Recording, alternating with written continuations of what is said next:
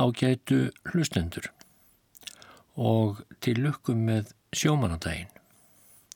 Við erum nú stödd árið 1920 og fjögur á norsku selveiðiskipi sem eh, er statt í Ísnum í Norðurhöfum og sögumadur okkar er Jóhann Kult úr borgarferðinum eða Mýrasíslunni öllu heldur. Hann skrifar Það var um morgun. Ég stóð við stýri skipsins en skipstjórin og hans veiðimaður voru á stjórnpalli skamt frá mér. Í tunnunni uppi í mastri stóð Óle Pilskov, fyrsta skitta og sagði til um þá leið sem halda skildi gegnum ísin.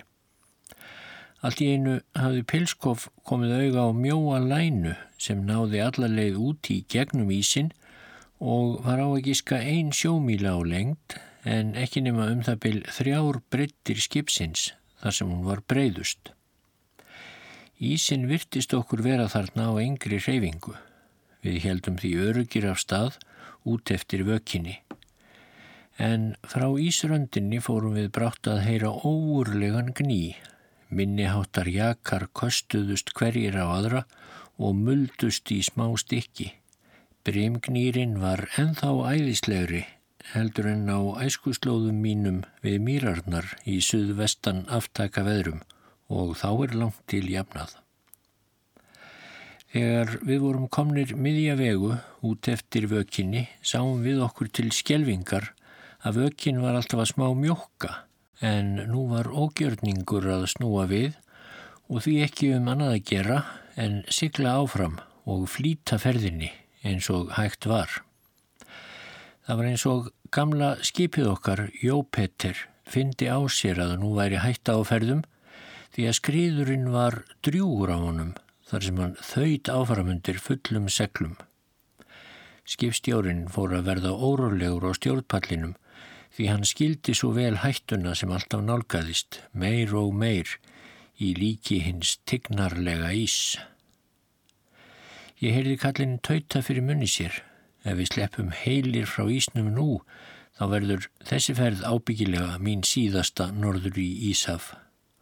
Svo snýr hann sér að mér þar sem ég stóð við stýrið og sagði ef við komumst ekki út úr vökinni áður en ísbreyðunum lendir saman þá er gjörsamlega út um okkur. Allir skipverjar á Jópetter að undanskildum fyrsta vélstjóra sem var á verði höfðu verið kallaður upp á þilfar og beðnir um að vera við öllu búnir.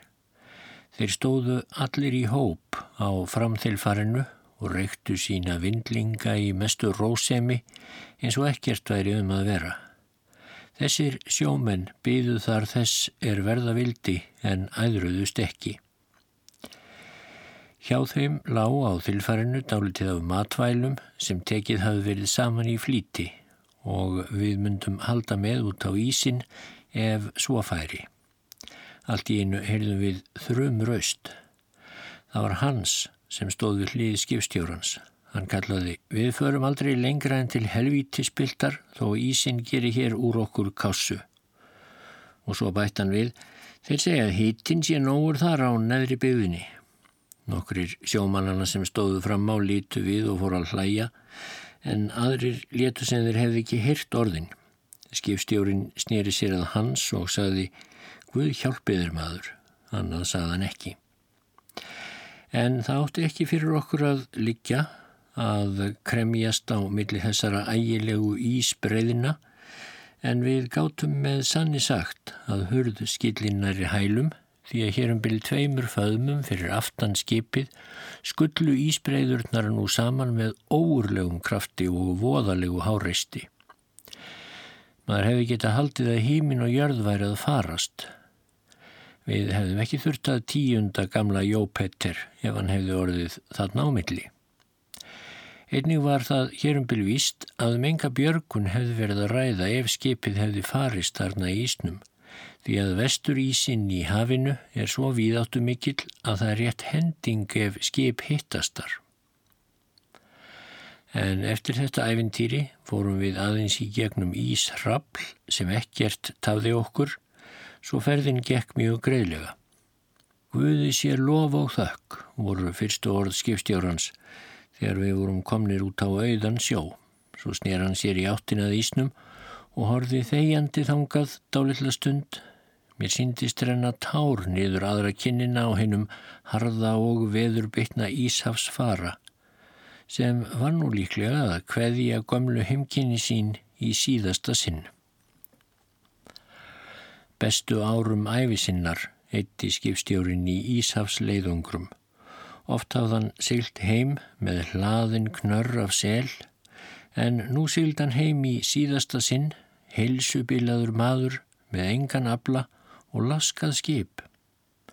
Hann var maður sem margt hafði reynd og oft komist í hann krappan og tók þessu öllu með fádæma stillingu eins og sannur sjómaður. Strax og við vorum lausir við ísin var farið að undirbúa heimsiklinguna. Sá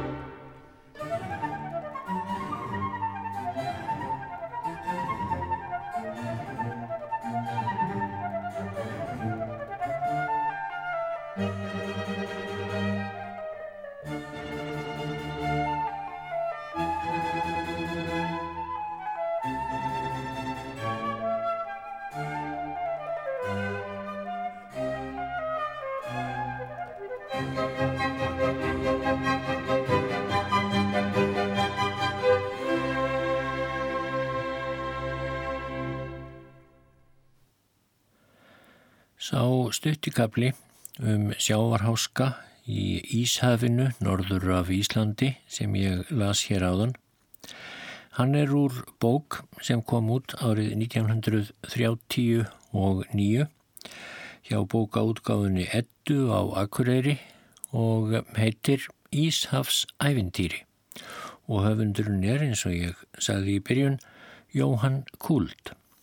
Hann var lengi fiskmatsmaður og kunnastur fyrir það síðari hluta æfinnar en framanaf var Jóhann Kult sjómaður og lendi þá gætnan í mörgum háska eins og í Ísnum á norska selveiðiskipinu. Ég ætlaði í þessum þætti að lesa ögn meira um sjómannsferil Jóhanns Kult en byrja á að klukka í eftirmála bókarinnar þar sem hann segir deili á sjálfum sér. Fyrst er þá til að taka, skrifar Jóhann, að ég er fættur að ökrum í Mýrasíslu 31. desember 1902. Móður mín var Sigríður, dóttir Jóhanns Jónassonar bonda í Öksnei og hapsögumanns á Breiðafyrði og yngveldar fyrir konu hans. Fadur minn var Eiríkur Kult, sonur Jóns Bonda og Gullsmiðs á Ökrum, Ejjólfssonar alþingismanns í Svefnegjum á Breiðafyrði. Fadur minn var skildur Eiríki Kult og þurriði konu hans og var Kultsnafnið tekið upp fyrir þrábeðni þeirra hjóna. Ættmenn mínir voru margir taldir stórlindir og ráðríkir en jáframt harðfengir ef því hefur verið að skipta. Sjaldan hafa þeir látið hlutsinn án baráttu. Sem dæmi skal hér aðeins nefndur langafuminn Eyjólfur Einarsson í Svefnegjum sá sem Snæbjörn í Hergilsei getur um í æfisögu sinni og nefnir Eija Jarl. Um hann segir Mattías Jokkumsson skáld í æfiminningum sínum meðal annars Hann var fornmaður í lund, rétt sín en ráðríkur og skapstór, ofur hugi til sjósókna og valdi mjög menn með sér eftir skaplindi sínu. Var ekki heglum hend að fylgja honum eftir til stórræða á sjónum en það var að fara í legur eftir hákarli út í opið haf um skamdegi á opnum ferjum. En fremur tekur Mattías upp þessi umæli föður síns úr einni slíkri svaðilför með Ejólfi þegar skollið hafði á þá norðan bílur og skipið var tekið að fylla svo að mjög var tvísingt um undankomu. Lítið fannst mér meira til um sjóin, saði fadir minn, en sveip Ejóls, því að svo byrstist hann við bárurnar að högl síndust hrjóta úr augum hans. Um sjósókn móður afa míns, Jóhans í Öksnei, hafa breyðfyrðingar látið falla sveipuð ummæli, því að hann var einnig talinn afburða sjómaður. Um hann var þetta kveðið, kannaður róa á húna hest, hárið þó grói alda, stýrir Jóhann bragna best, báti um sjóin kalda. Fóreldrar mínir byggu á ökrum, allan sinn búskap og voru mjög vinsæli í héradi. Á ökrum er kirkjustadur og var þar mjög gestkvæmt alla tíma en aldrei hef ég hirti sketið að þau seldu nokkrum vegfaranda greiða. Áður en fadur minn gifti sig og byrjaði búskap á ökrum hafði hann numið málaraeyðin í Kaupanhöfn og setna trésmíði í Reykjavík þar sem hann stundaði þessar yðingreinir jöfnum höndum um nokkura ára bíl. Eru sum af eldri húsum Reykjavíkur byggð af honum. Á ökrum ólist ég upp til 14 ára aldurs en þá dó fadur minn og móður mín sem var byluð að heilsu bráð þá búi og legði jörðina en seldana svo fáum árum setna. Næstu tvo árind valdi ég ímist á ökrum eða á öðrum stöðum í sömu sveit en fluttist síðan til Reykjavíkur á samt móður minni sem andaðist þar vorið 1921 eftir langvarandi veikindi. Við sístkinin vorum sex, tvær sístur og fjórir bræður. Elín gift Petri Söbekk, sjómanni, búsett í Kaupanhöfn. Inga gift Davíð Sigursinni, bónda í Miklaholti í Mýrasíslu. Helgi og Arnbjörn, sjómenn í Reykjavík og Óskar sem dó á Vívilstöðum árið 1923. Í Reykjavík stundaði ég ímsa vinnu næstu árin eftir ég fluttist úr sveitinni, svo sem bókband, innheimtu, eirarvinnu og sjómennsku. Leði svo fram til ársins 1923. Það ár var fremur hartum vinnu í Reykjavík vegna kreppunar sem þá tók að gera vart við sig eftir heimsófriðin. Þetta vor var ég alveg atvinnulegs í höfuðborginni á samt fjölda annara manna. Ég vann aðeins í sjö eða áttan nættur sem sjálfbóðaliði í verkfallinu við blöndalstógarana tvo sem mikill styrr stóð þá um. Þegar verkfallið hafði fengið að mínu áliti mjög háðuleg endarlokk lagði ég af stað á svon tveim röðrum í atvinnuleit norður og Siglufjörð vorum við algjörlega peningalösir þegar við lögðum að stað frá Reykjavík í þessa bjarmalandsför eitt góðviðriskvöld í júlimánuði með norska skipinu BISP. Ég hafði með mér heilmikinn fluttning ég gerði eins ráð fyrir því að koma ekki aftur til Reykjavíkur um höstið. Ég hafði fengið nóg af atvinnuleysinu í höfuðborginni. Við slupum í land á Siglufyrði með allan farangur okkar, einn indælan sólskins morgun, þreymur dögum setna, en stýrimaður skipsins gaf okkur góðfúslega eftir fargjaldið, en það við algjörlega peningalöysir eins og framkom áðan. Þegar á Siglufjörð kom var fyrsta fréttin sem við heyrðum að þá um morgunin hefði fjöldi fólks verið sendur heim aftur til Reykjavíkur vegna þess að það hafði korki í vinnu á staðnum, húsnæði, nýja mat og gengið að undanförnu fram og aftur um götturnar nótt sem dag á þess að það var nokkuð að gera. Þessar fréttir voru allt annað en árennilegar en samt vildum við ekki gefast upp fyrir henni í fullan hefana. Útkoman varð svo að við fengum hvergi þakk yfir höfuðið og því síður mat. Gekk þannig í viku, lágum við úti þegar við stálumst ekki til að liggja í útihúsum en það gekk reyndar mjög erfiðlega. Og fæðið þessa daga, það var aðalega munvatnið á samt Guðs blessun sem er þunn traktering svo tekið sér undir með Magnúsi Sálarháska. Eftir þessa viku höfum við þó tekið á legu lítinn mótorbát sem við hugðum að gera út á regnet og út við okkur þar með atvinnu. Fengum við einnig að láni mat til fára daga hjá einni versluninni. Eins og allir vita geta útgerðarmenn lengi fengið lán á Íslandi. Á Akureyri tókst okkur að fá regnet leigð hjá Áskeri Pétur sinni og lögðum við því að stað til að sækja þau eitt kvöldið. Vélinn í bátnum var mest í rævill en engin okkar þryggja var vélamaður, svo útlítið var ekki gott. En engan vélamann var þá að fá á siglufyrði. Á seinustu stundu fengum við svo trésmið sem vélamann og einn vestur Íslending sem farþega til Akureyrar.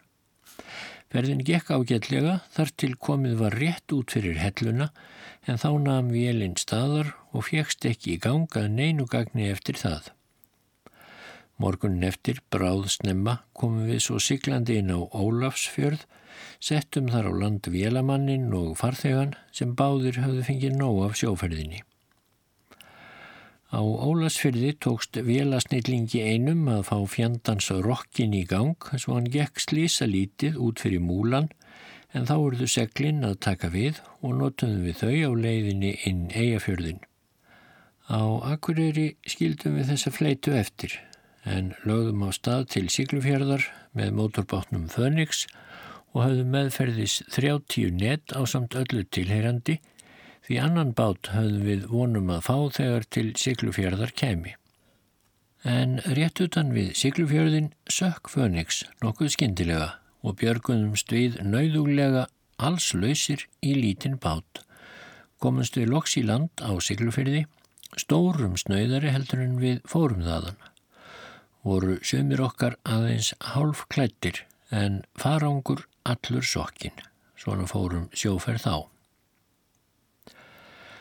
Nokkrum dögum setna vendi ég mínu kvæði í kross og réðst sem hásetti á norska mótorskipið Íbex sem stundaði regnetaveðar fyrir Norðurlandi þetta sumar. Að enduðum síldveðum um haustið fór ég út til Noregs með skipinu og næstu þrjú árin var ég aðal í Noregi eða á norskum skipum við fiskveiðar, selveiðar, millilandasiklingar og fleira. Að öllum líkindum beigð mín glæsilegri framtíð hefði ég sestað í Noregi eins og ég átti kost á. Norskur skipherra sem ég kynntist vildi fá mig til að setjast þar að og afla mér norsks borgarréttar. Hann böðist til að koma mér á herskólan því hann fullirti að ég ætti annað hvort að verða herfóringi eða skipstjóri. Og þegar ég hugsa um þetta nú þá sé ég reyndar enga skinsamlega ástæðu sem réttlætt gæti hvers vegna ég tók ekki svona góðu tilbúði. Líklega hefur það verið heimþráin sem réði úrslitum í þessu máli. En allan tíman sem ég dvaldi í Nóri og á norskum skipum hafði ég ekkert íslenskt vegabrjöf því að bæjarfókittin á Siglufyrði hjælti fram að ég þyrti þessi ekki með þegar ég fór út aðan með Íbex haustið 1923. En nú segir af upphafi ævintýranna sem enduðu með Ísafssiglingum á norska selveiðiskipinu Jópettir. Það var í byrjunum marsmánadar árið 1924 sem ég kom með strandferðaskipinu Hákonni Jarlí til Álasunds. Ég var í atvinnuleit, var þá nýlega hættur stórsíldarveiðum sem ég hefði stundaðum veturinn frá Bjarnarsundi hinnu nyrðra í Norri. Ég hefði færið um borð í Hákon Jarl í Móldu. Á leiðinni söður með ströndinni fengum við indislegt veður, sólskinn og blæja lokn en örlítið frost var. Ég vissi varlega hvernig tímin leið á ferðalæginu vegna þess að ég fekk svo skemmtilegan ferðafélaga sem var ungur mentamaður og leið til Oslo.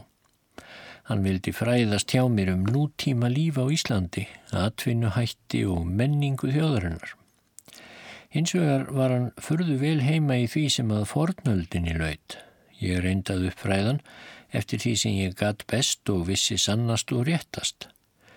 en hvernig mér hefur tekist svo uppfræðsla, það vil ég engan dóma á leggja.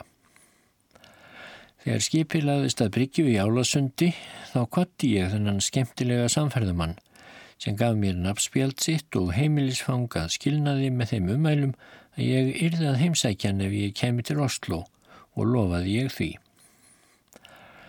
Á bryggjunni var múgur og margmenni saman komið. Þeir farþegar sem hér voru komnir til ákvörðunarstaðarins flýttu sér sem mestir máttu í land. Ég barst með strömmnum upp eftir landgöngubrúnni og stóð eftir nokkur augnablík með farangur minn á bryggjunni. Þar skímaði ég í allar áttir til að veita hvort ég sæ ekki gistihús þjón því að ég var lítið kunnur í bænum þar sem ég hafði aðeins einu sinni leiði þar áður á skipi og þá komið í land tvö kvöld, meira var það nú ekki. Brátt sá ég gistihús þjón sem rutti sér rösklega braut í gegnum mannfjöldan á bryggjunni Hann hafði sínilega komið nokkuð seint og var því ákafur að láta ekki alla farþegana ganga sér úr greipum og um það báru róp hans glögt vittni. Þegar hann kom í námt við mig sá ég að á húfu hans að framann stóð Hotel Phoenix. Þetta nafn myndi mig á þann óþægilega viðburð þegar báturinn Phoenix sökk undir mér en þar sem Fönix var nú bundið við gistihús í landi en ekki sökkvandi skip þá árætti ég að ávarpa mannin og spurðan eftir gististað. Hann tók mér opnum örmum og sagði um leið Ég hef laus herbergi á hotellinu, gerið þér bara svo vel og um leið bentan á lítinn bíl sem stóð þar skamt frá. Tókum við svo farangur minn og settum inn í bílinn og að því búnu og kom við upp í bæinn. Eftir fáinnar mínútur nam bílinn staðar fyrir framann stórhísi úr steinsteipu. Það var Hotel Phoenix. Þegar inn í húsið kom voru öll ódýrari herbergin útlegð en aðeins þau dýrari eftir. Ég ákvað samt að taka gistingu þarna fyrstum sinn. Ég fekk stóra stofu með öllum hugsanlegum þægindum og kostaði hún fjórar krónur og 50 öyra fyrir sólarhingin myndi það hafa þótt ódýrt í Reykjavík en þarna þótti það dýrt en það var hægt að fá þar sæmileg herbergi fyrir aðeins tvær krónur um sólaringin og góð eða ágætt fyrir þrjár krónur. Það fyrsta sem ég gerði er ég hafði komið mér fyrir í þessu glæsilega herbergi var að panta kaffi til að hressa mig á eftir ferðalægið og á meðan ég var svo að gæða mér á kaffinu þá fór ég að leita í blaðinu Sönmörsposten sem ég hafi fengið að láni hjá þjóninum hvort ég segi hverki auglýsta atfinnu. Ég hafði ekki leitað lengi í blaðinu þegar ég sá að þar var auglýst eftir veiðimanni á selfangaran Jópetter og ég framt sagt að skipi lægi á höfnin í Álasundi en væri að ferðbúast norður í Ísaf. Upplýsinga þessu viðvíkjandi væri að leita um borð hjá skipstjórnum. Bæði var nú það að ég átti ekki tinn nema 75 krónur í vasanum sem hefði hrokkið skamt í langa atvinnuleit og einnig hitt að mig var lengi búið að langa til að kynast á norður Íshafinu en þarna gafst þá tækifæri upp í hendurnar á mér alveg fyrirhafnar laust svo ég ákvaði að grípa það. Ég fór að leita skipið uppi og helt af stað niður að höfninni. Þegar þangað kom sá ég tvo grænmálaða selfangara sem lágu þar hlið við hlið. Þeir voru auðþektir frá öðrum skipum vegna þess hvað framsiglutrén voru há og kvítar tunnur á þeim upp undir toppi. Nú hraðaði ég ferðminni sem mest ég mátti, þangað sem þessi tvö tígulegu skip lágu og þegar ég kom þangað eftir skarpagöngu sá ég að menn voru við vinnu á þilfari begja skipana. Ég stökk þá umsvefa löst út á þilfar skipsins sem eh, nær lág landi og spurði hvort þetta skip væri selfangarinn Jópetter. Já, þetta er Jópetter, var svarað. Er skipstjórnum borð, spurði ég. Hér er hann. Sá sem svaraði var á milli 40 og 50, meðalmaður á vöxt og skeglus.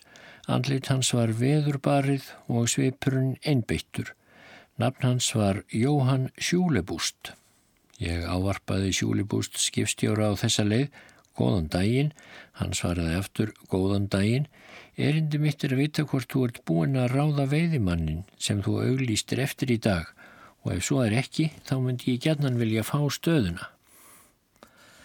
Ertu vanur Íshafsfari? spurði hann. Nei, það er ég ekki, varði ég að viðurkenna, en ég vildi fá að kynnast slíkum ferðum sem þessari. Hvaðan ertu, spurði skipstjórin og leitum leið skarpt á mig eins og hann væri að reyna að lesa það út til hvers ég myndi döga. Ég er Íslendingur, svaraði ég. Hvaðan á Íslandi, spurði hann. Ég er úr sveit sem liggur vestur á borgarfyrði við Faxaflóa og eru þar kallaðar mýrar. Þá segir skipstjóri, það mun vera nálagt þeim stað sem Skallagrímur nam land þegar hann kom til Íslands frá Norgi og meðfram ströndinni þar munu vera sker mikil eftir því sem kortið sínir. Allt er þetta rétt sem þú segir, svaraði ég, og þykir mér þú fróður vera. Svo helt skipstjórun áfram, ég hef kynst mörgum íslendingum og hafa mér líka þeir margir hverjir og ef þú ert líkur agli skallagrimsinni þá mun þú vera liðtækur til átaka. Ég vildi nú ekki við það kannast að ég væri jafn og ekki Egil Skallagrimssonar en svo fór að ég fekk starfið og daginn eftir að ég réðist á Jópettir þá yfirgaf ég Hotel Phoenix og flutti mig alfarin um borði í skipið. Fínast fór ég í land aftur og kefti mér ímsan útbúnað til ferðarinnar því það er betra að fara ekki allslaus í svona ferðalög sem oft taka marga mánuði. Þegar ég var svo búin með peningana held ég aftur um borð með það sem ég hefði keift og voru það aðalega fött. Þegar ég kom um borð þá var verið að koma með matvæli til ferðarinnar og þótti mér þau harla fyrir ferðar mikil en það var reyndar engin fyrða því hér var um að ræða mat handa tólf mönnum í sex mánuði. Fyljaður hafði verið af fremst í hluti lestarinnar undir vistaforðan og byggum við þar um hann eftir föngum. Meiri hluti lestarúmsins var upptekinn af stórum járngeimum af skaplega sterklegum. Þeir tóku frá 25 til 50 tunnur hver og voru ætlaður undir selspygg. Núna voru allir þessir geimar hins vegar fylgtir af kólum og einnig miðbygg lestarúmsins alveg upp í þilfar svo að hverki sást þar smuga. Þegar því var lokið var skipið orðið sökk hlaðið. Dæin eftir heldum við svo frá Álasundi til Brandal því þaðan var selfangarinn. Jópettir var einn Peðers Brandal sem var einn af langstærstu úthafsútgerðarmönnum Noregs. Á stríðsárunum var hann talin einn ríkasti maður í Nóri. Átti hann þá hinnar miklu Íshafsútgerðir, kólanámur í Kongsbæ og Svalbarða og starfrækti þær fyrir eigin reikning. Nú var hann hins vegar á barmi gjaldþróts, var búin að gera námurnar að hlutafélagsegn og var nú bara eftirlitsmaður þeirra yfir sumarið fyrir 12.000 króna árslaun. Útgerðinni veitti nú forstöðu tengdasónur hans, maður um þrítugt, mjög viðfeldin reyndar. Brandal er lítið þorp, er stendur í fallegri fjálslýð við einn af fjörðunum á Sunnmæri, en þaðan voru gerðir út fjöldi selfangara, líklegast flestir frá einum bæ í Noregi, en það þetta þorp oft nefnt Kópabærin. Frá þessum stað voru brautriði endurnir að norsku Ísafs útgerðinni. Af þeim sem þóttu standa einna fremst á því sviði voru Petter Brandal og fadur hans Háken. En það er sagt að þeir feðkar hafi komist á litlu seglskipi allarleið norður á 8.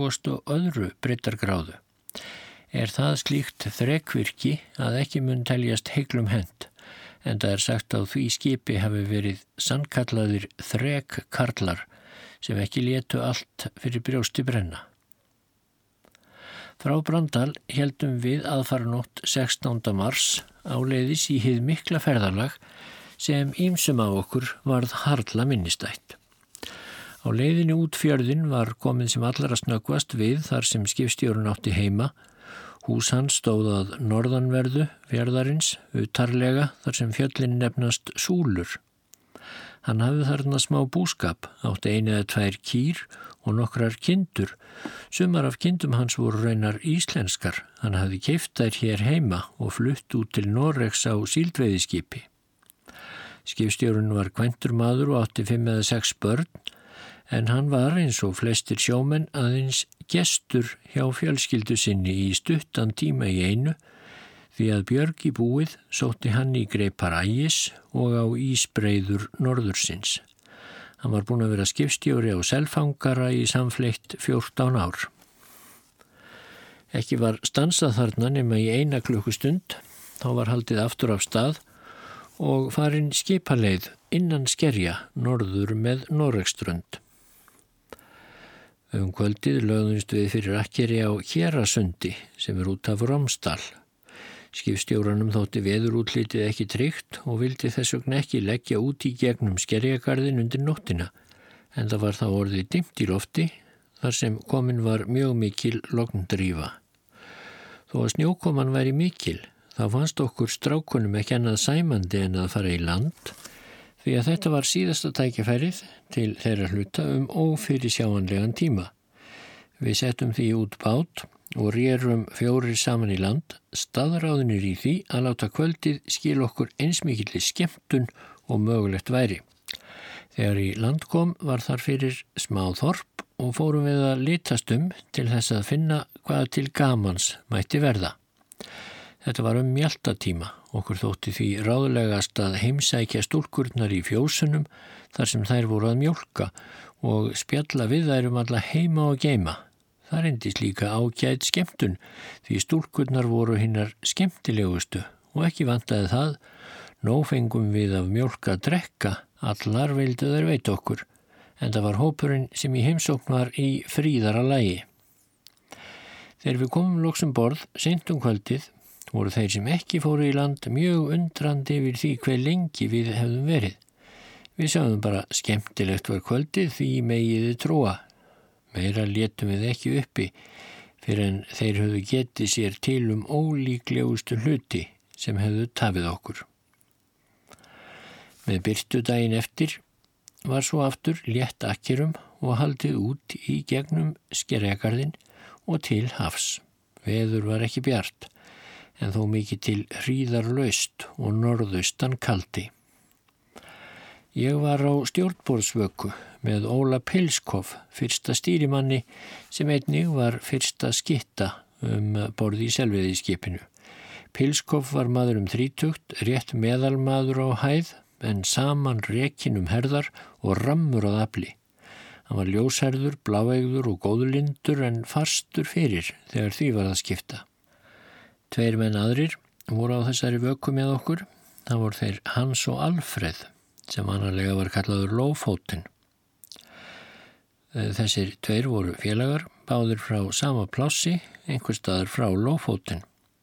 Hans var stórmaður vexti, jarphærður, laglegur og skemmtilegur, ekki nema áttján ára gammal. Alfreð var hins vegar lítilvexti með rauðjarpt hár, snar í snúningum og harðgerður með afbreyðum 22 árað aldri. Allir voru þessir menn hinnir ákjósanlegustu félagar. Á bakborðsvökunni var Arnesen, annar stýrimaður, sem líka var skitta nr. 2. Hann var 25 ára gammal, var meðalmaður vexti og var nú í sinni fyrstu Ísafsferð sem stýrimaður. Aftur á móti var Pilskov fyrsti stýrimaður þrautrendur Ísafsfari og bjóst fljótlega við að verða skipstjóri sem hann líka varð árið eftir.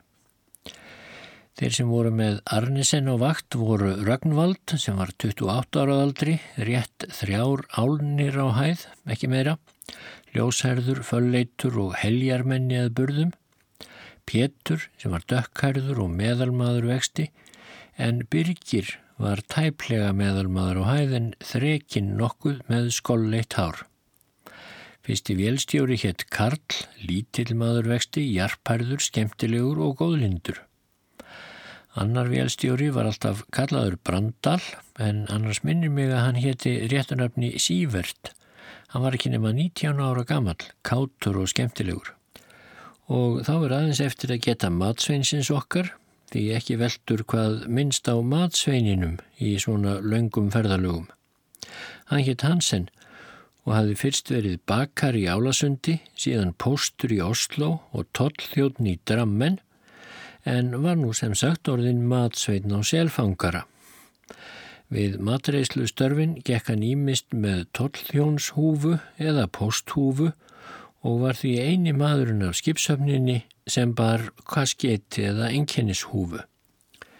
Vélinn í Jópettir var lítil, svo að skipi gekk ítla í mótvindi og reyndar alltaf nema þegar hægt var að nota segl.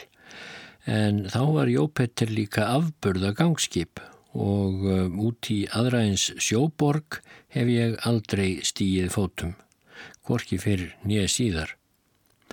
Ferðin sóttist sent hjá okkur fyrst í stað því vindur var mjög mótrægur, svo ekki var hægt að nota segl.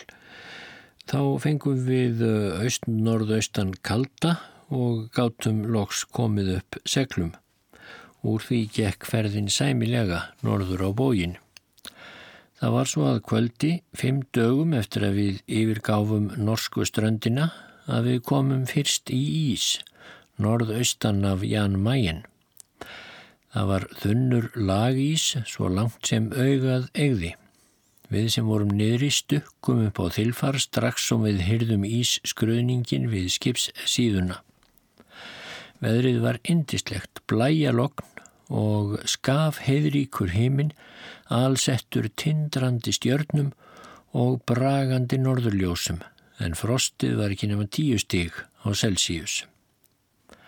Ég varð gangtekinn af henni undraverðu fegurð kvöldsins eins og hún byrtist mér þarna í fyrsta sinn norður í Íshafi. Einhver af strákunum sem hafði ekki fyrir ekkar en ég tekið áður þátt í norðurferðum vakti máls á því þarna á þilfarinu að ekki væri nú mikið að veðrinu þó að norður í Ísaf væri komið. Saðist hann efast um að þær sögur væri sannar sem sagðar væru af rosa veðráttu þar norður frá með köplum að minnstakosti. Skipstjórun var nú komið þarna fram á þilfarið til okkar.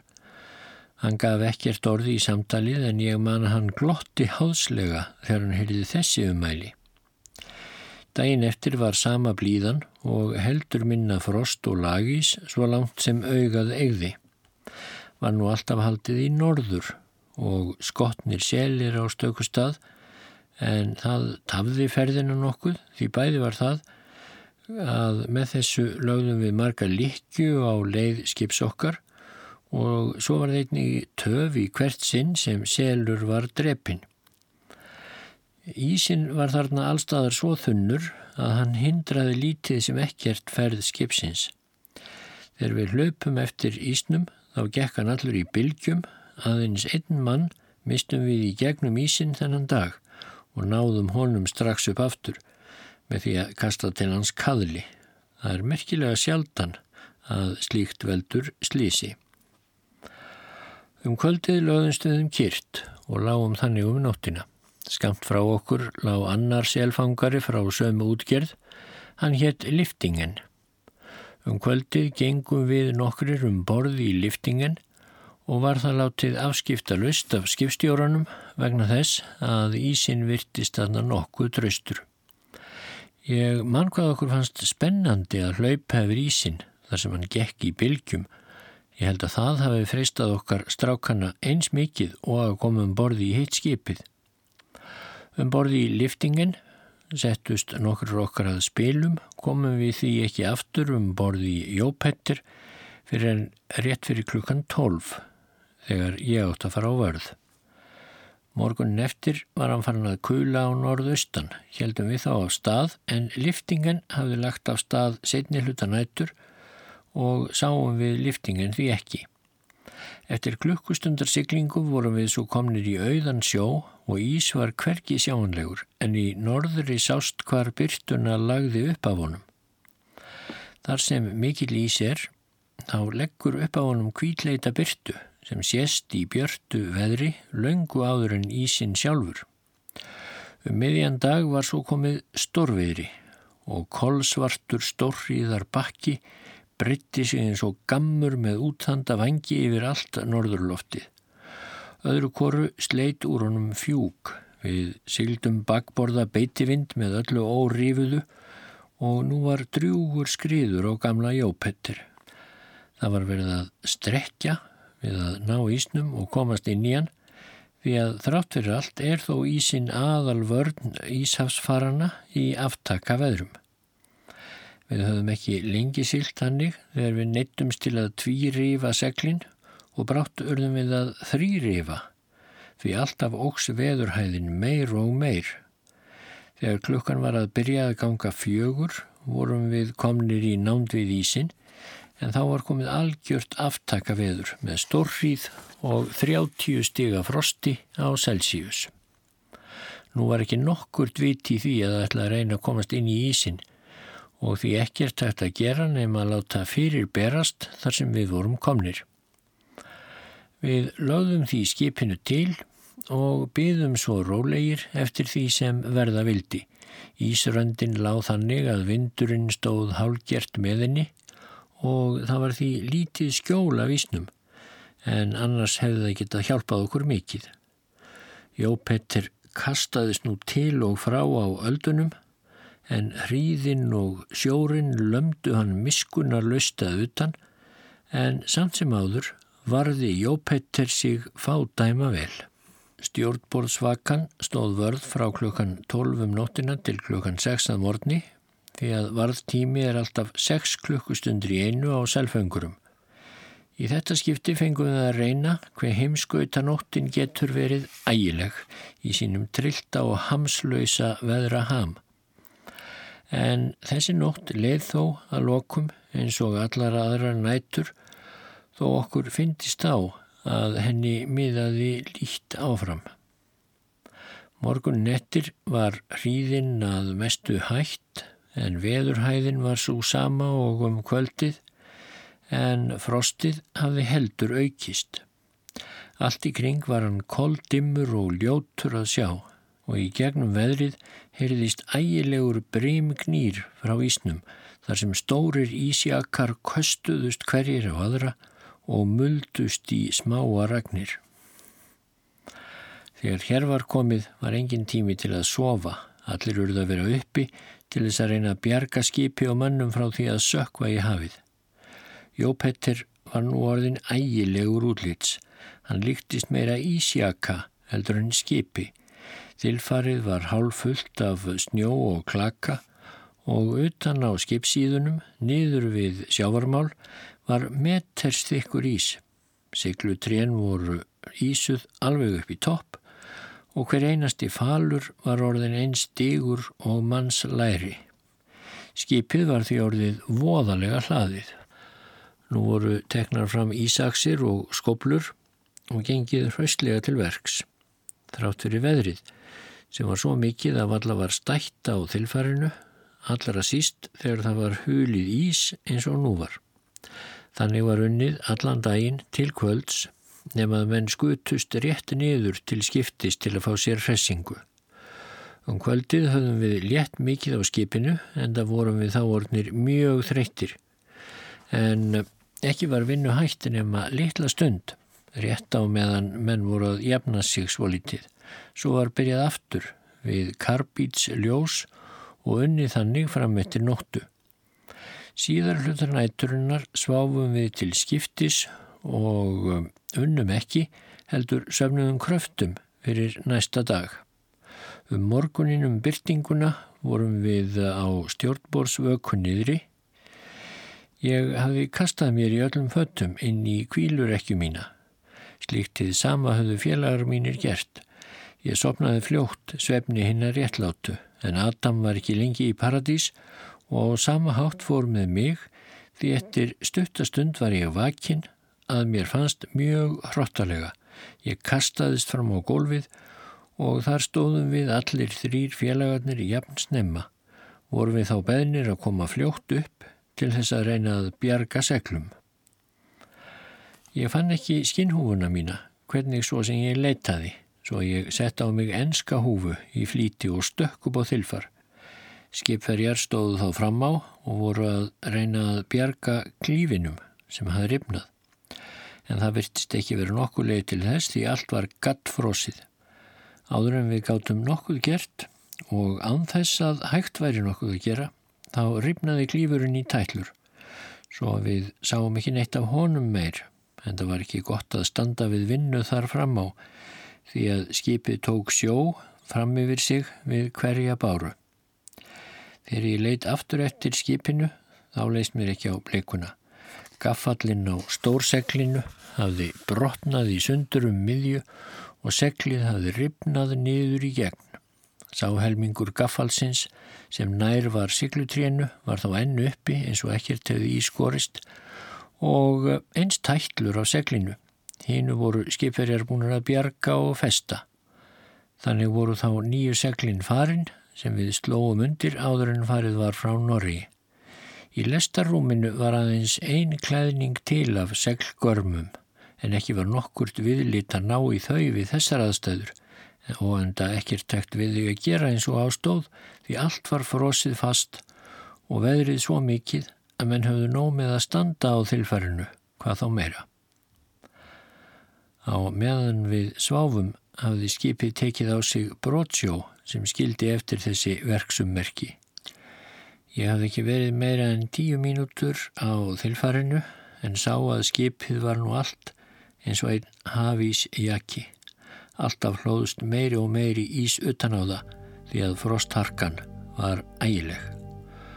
Og nú sást út í myrkrinu að viðblasti stór ísjaki. Hvernig færi nú það?